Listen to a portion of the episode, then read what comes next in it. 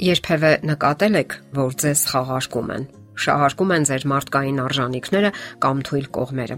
Այլ կերպ դա կոչվում է ձեռնացություն, երբ մեկը փորձում է այս կամ այն միջոցով իշխանության հասնել դիմասինի հանդեպ եւ գերիշխող դիրք գրավել։ Սակայն ցանկացած, այդ թվում նաեւ երիտասարդական բնականon հարաբերություններում դա պարզապես անթույլատրելի է։ Իդեալական աշխարհում ձեռնացություն չկա։ Բոլորն ազնիվ են եւ անկեղծ։ Միմյանց հանդեպ բարի, շփվում են փոխադարձ հարգանքով։ Սակայն այստեղ կանգ առնենք։ Մենք իդեալական աշխարհում չենք ապրում եւ այդպիսի աշխարհ գոյություն չունի գոնե առայժմ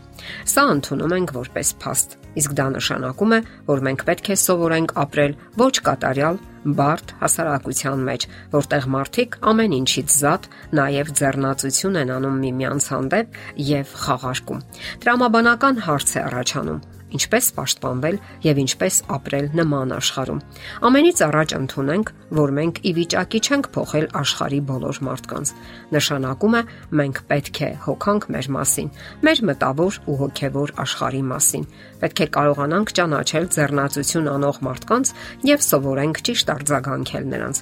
Հոգեբուժության մեջ ընդհանրապես շատ մեծ ուշադրություն է դարձվում այն բանին, որ մարդուն վերադարձնեն իր կյանքի հեղինակը լինելու իրավունք իրավունքը, որpիսի նա գտնվի ուժեղ դիրքում, կողմնորոշվի տարբեր իրավիճակներում ու հանգամանքներում, իրեն իրավունք վերապահի ընդունելու սեփական որոշումները։ Այդ ճանապարհին կա հետևյալ կարևոր քայլերը։ Ընթունել այն դաժան ճշմարտությունը, որ մեր աշխարհը կատարյալ չէ եւ երբեք էլ այդպիսին չի դառնա, եթե միայն Աստված չմիջամտի իր վրա վերցնել սեփական բարեկեցության պատասխանատվությունը, այդ թվում շրջապատի մարդկանց հետ հարաբերություններում։ Եվ այսպես, կարևոր ճշմարտությունն այն է, որ մենք ենք որոշում, թե ինչպես արձագանքենք ձեռնացություն անողներին։ Հոկեբան Կիրիլ Յակովլևը գրում է. Հին ժամանակներում մարդու գոյատևելու հնարավորությունները միայնության մեջ հավասար էին 0-ի, եւ մեր յենթագիտակցության մեջ նստած է այլ մարդկանց հետ փոխհարաբերվելու պահանջմունքը եւ միայնակ մնալու վախը։ Այդպիսին էին հիերարխիական բնազդի աշխատանքների արդյունքները որի նպատակը այլ մարդկանց հետ հարաբերություններ կառուցելն էր եւ գոյատևելու հնարավորությունները մեծացնելը։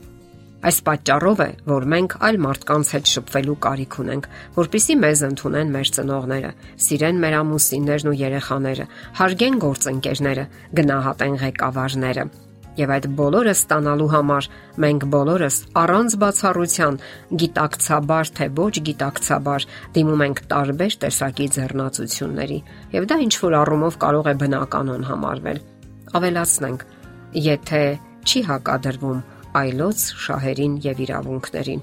Գոյություն ունի ձեռնացության 4 տեսակ։ Առաջինը՝ երանդուն մարտավարություն։ Այս դեպքում մարդը բացահայտ ձեռնացություն է անում եւ շանտաժի ենթարկում դիմացինին եւ բնականաբար շահարկում է նրա թուլությունները։ Երկրորդը пассив եղանակն է։ Այս դեպքում մարդը ընդհակառակը ձևացնում է թե անօքնական է եւ խուլ։ Թույլ է տալիս, որ երանդուն ձեռնացություն անողը իրենց փոխարեն որոշումներ ընդունի եւ այդ կերպ նա հասնում է իր նպատակներին։ Հաջորդը մրցակցային մարտավարությունն է։ Այս դեպքում այլ մարդու հետ հարաբերությունները ընկալվում է որպես հավերժական պայքար մրցակցի կամ ճշնամու դեմ։